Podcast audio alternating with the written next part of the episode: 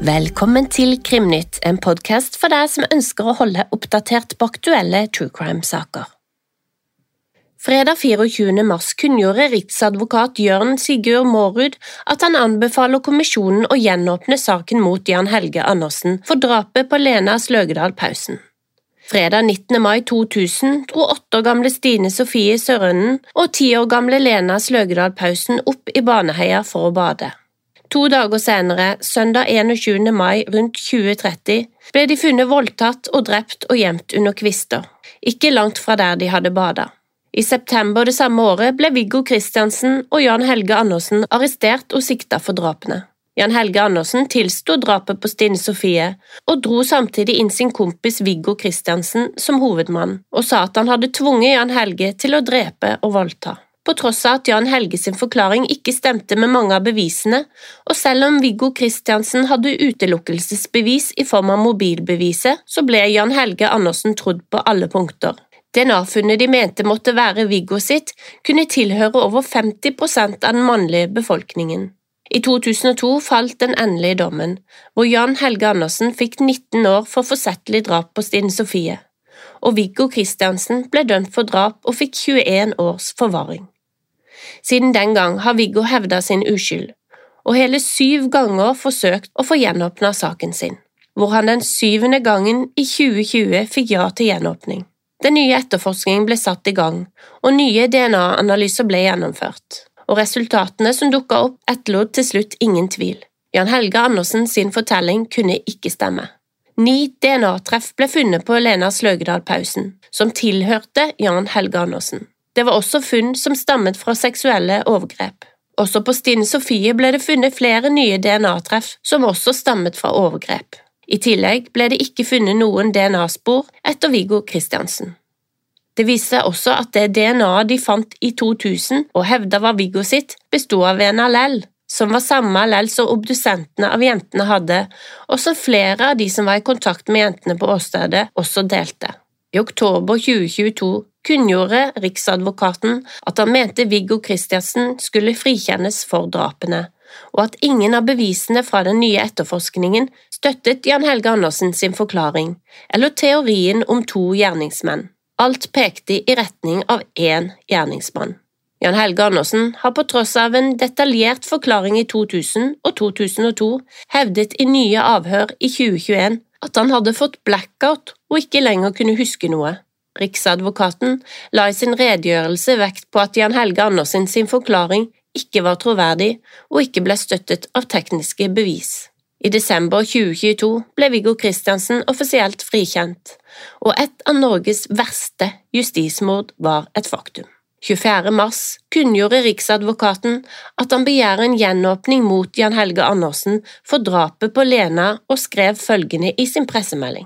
Jan Helge Andersen, født 17.01.1981, begjæring om gjenåpning.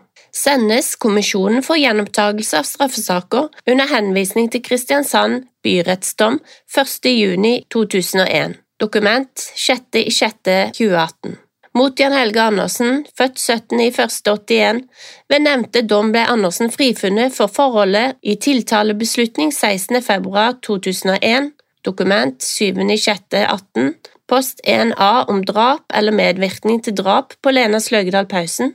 Statsadvokaten har i påtegning 17. februar DÅ DUK 01103 gitt tilrådning om at Riksadvokaten begjærer gjenåpning til skade for Andersen, JF straffeprosessloven, paragraf 393 første ledd nummer to. Riksadvokaten mener i likhet med statsadvokaten at vilkårene for gjenåpning etter nevnte bestemmelser er oppfylt. Det vises til redegjørelsen og anførslene i statsadvokatens påtegning, som er dekkende også for Riksadvokatens syn. På denne bakgrunn ber Riksadvokaten om at Kommisjonen for gjenopptakelse av straffesaker beslutter gjenåpning av Kristiansand byrettsdom 1.6.2001. For så vidt gjelder domslutningen punkt 3. Kommisjonen for gjenopptakelse er de nå som skal avgjøre om bevisene står slik at de fyller kravene til gjenåpning.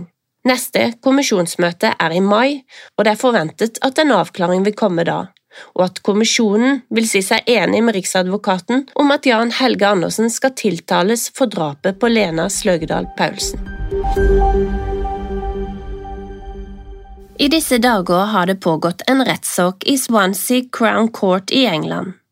31 år gamle Kyle Beaven står tiltalt for å ha drept to år gamle Lola James.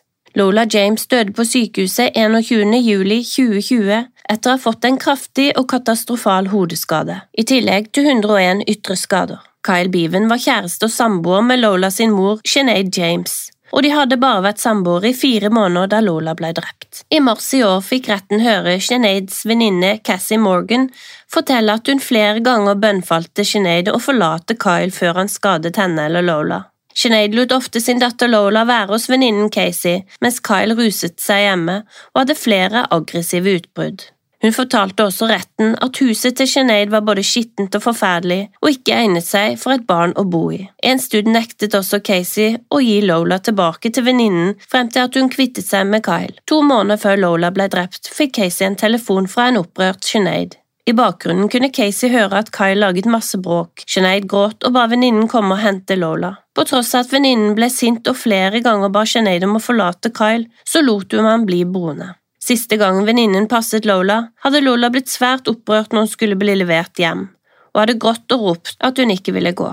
Dager senere var Lola død. Kyle er beskyldt for å ha drept Lola mens moren lå og sov. Kyle nekter skyld og mener at Lola ramlet ned en trapp fordi hunden deres, en amerikansk pitbull, dyttet henne, og at dette fallet forårsaka skadene. I retten tidligere denne måneden kommer det frem at Kyle hadde filmet den livløse kroppen til Lola, mens han fortalte kameraet She's gone. Retten fikk se filmen, og der kan man også se at Kyle forsøker å få den skada Lola til å stå oppreist før han lar henne falle ned på gulvet. Aktor i saken, Caroline Reece, fortalte retten og juryen at filmen var filmet etter at Kyle hadde utført et ekstremt voldelig angrep på den lille jenta, tidlig morgenen 17. juli. På videoen filma med Kyle mobil kunne man se Kyle med bar overkropp forsøke å løfte den livløse Lola for å få henne til å stå oppreist, før han slipper henne. På filmen kan man høre et dunk idet hun faller i gulvet. Deretter tar han Lola og legger henne på sofaen. Det kommer snorkelyder, og Kylie går mot kameraet mens han sier She's gone, she's gone. Deretter skal han sendt filmen til sin mor Alison Beaven, som var sykepleier. Hun fortalte at hun valgte å ikke se filmen. I tekstmeldinger fremvist for retten kan man se Kyle sin mor be Kyle skynde seg å ringe etter ambulanse. Nesten en time senere svarer Kyle henne og ber moren ringe en ambulanse. Aktor i saken legger vekt på at hvis Kyle snakket sant om at det var hunden som dyttet Lola ned trappa, hvorfor brukte han tid på å filme istedenfor å umiddelbart ringe en ambulanse? Det kom også frem at Kyle på en melding til moren på Facebook hadde sagt at Lola hadde ramla ut av senga. Retten har fått høre at hodeskadene og øyeskadene på Lola kunne sammenlignes med et bilkrasjoffer. Og i meldinga mellom Kyle og Lolas mor kom det frem at Lola hadde flere skader i månedene før drapet, blant annet en blodig nese, skader på kinn og en splitta leppe. Casey, Sinead sin venninne, fortalte også retten at hun hadde sett Kyle dytte en barnevogn ut i veien, og at det var et barn i vognen. Dette var bare et par uker før Lolas død. Retten ble også vist tekstmeldinger mellom Kyle og Sinead mens Lola lå på sykehuset, hvor Kyle insisterte på at de fortalte den samme historien til politiet. Den tidligere eieren av den amerikanske pitbullen vitnet også i retten og kunne fortelle at da de eide hunden, så var den aldri aggressiv mot hennes fire yngre barn, og de kalte hunden for en barnevakt og at hunden var veldig snill og elsket kos. Det kom også frem at hunden ble avlivet, antageligvis fordi Kyle hevdet at han hadde skadet Lola. Sinead, Lolas mor, nekter skyld i at hun kunne ha hindret Lola sin død. Rettssaken er ennå ikke over, og vi vil komme med en oppdatering på utfallet av dommen når den er klar. Dere har sikkert fått med dere saken om kvinna som ble funnet i fryseren. 16. mars 2023 så ble ei kvinne funnet i en fryser i Värmland i Sverige. Kvinna var partert, og mannen som bodde i huset, ble varetektsfengsla for to uker mistenkt for drap og likkjending. Mannen nekter straffskyld. Både kvinnen som ble funnet i fryseren og mannen i 50-åra er norske statsborgere og har vært samboere. Svensk politi sier at kvinnen har vært savna i flere år. Det var etter tips til politiet at de tok seg inn i det rødmalte lille huset med hvite karmer. Politiet fant til slutt kvinnen i fryseren, partert. Paret flytta fra Norge for rundt ti år siden til dette lille huset. De holdt seg mye for seg sjøl, og naboer forklarte at de sjelden så paret, og de virka veldig folkesky og private av seg.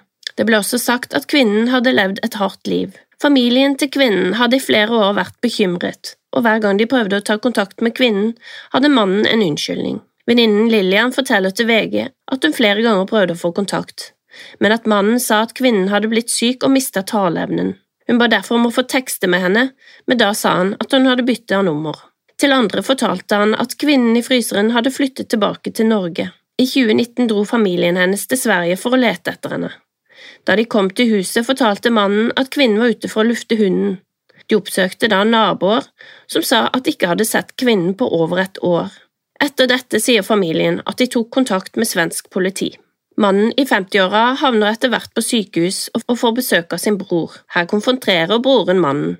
Han hadde hatt en dårlig magefølelse om at det hadde skjedd noe med kvinnen. Broren spør rett ut hva som har skjedd med henne, og får magefølelsen bekreftet. Det er etter denne hendelsen at politiet tar seg inn i huset. Mannen erkjenner likkjending, men ikke drap. Tidligere har mannen i 50-åra flere dommer fra Norge og Sverige voldtekt, fyllekjøring og ble nylig tatt for å kjøre uten førerkort. Det politiet nå prøver å finne ut, er når kvinnen døde, og når hun ble partert. Døde hun naturlig, eller ble hun drept? Og helt til slutt i dag så har vi en oppdatering. I episode fire av Krimnytt så fikk dere en gjennomgang av saken mot Aiden Fucci. Aiden Fucci ble sikta for drapet av Tristan Bailey da han var bare 13 år gammel. Bailey ble funnet knivstukket 144 ganger og ble drept i et skogholt ikke så langt fra hjemmet sitt. Tenåringen Aiden Fuchi ble sikta med overveldende bevis. Saken var spesiell på grunn av Aidens lave alder og fordi han tilsynelatende hadde en normal oppvekst. Det kom også frem i retten at Bailey var bevisst under drapene og hadde 49 forsvarsskader. Drapet var så brutalt og meningsløst at Aiden Fuchi ble i forrige uke dømt til livstid til tross for sin unge alder. Det var alt vi hadde denne uka. Og eh, siste episoden av Murdoch-saken kommer i Krimprat med Lise og Fiona. Sjekk den ut, den kommer på søndag og mandag. Og vi høres igjen neste uke.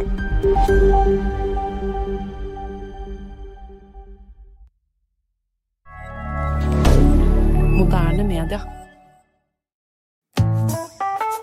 Har du et enkeltpersonforetak eller en liten bedrift? Da er du sikkert lei av å høre meg snakke om hvor enkelt det er å sende faktura med fiken.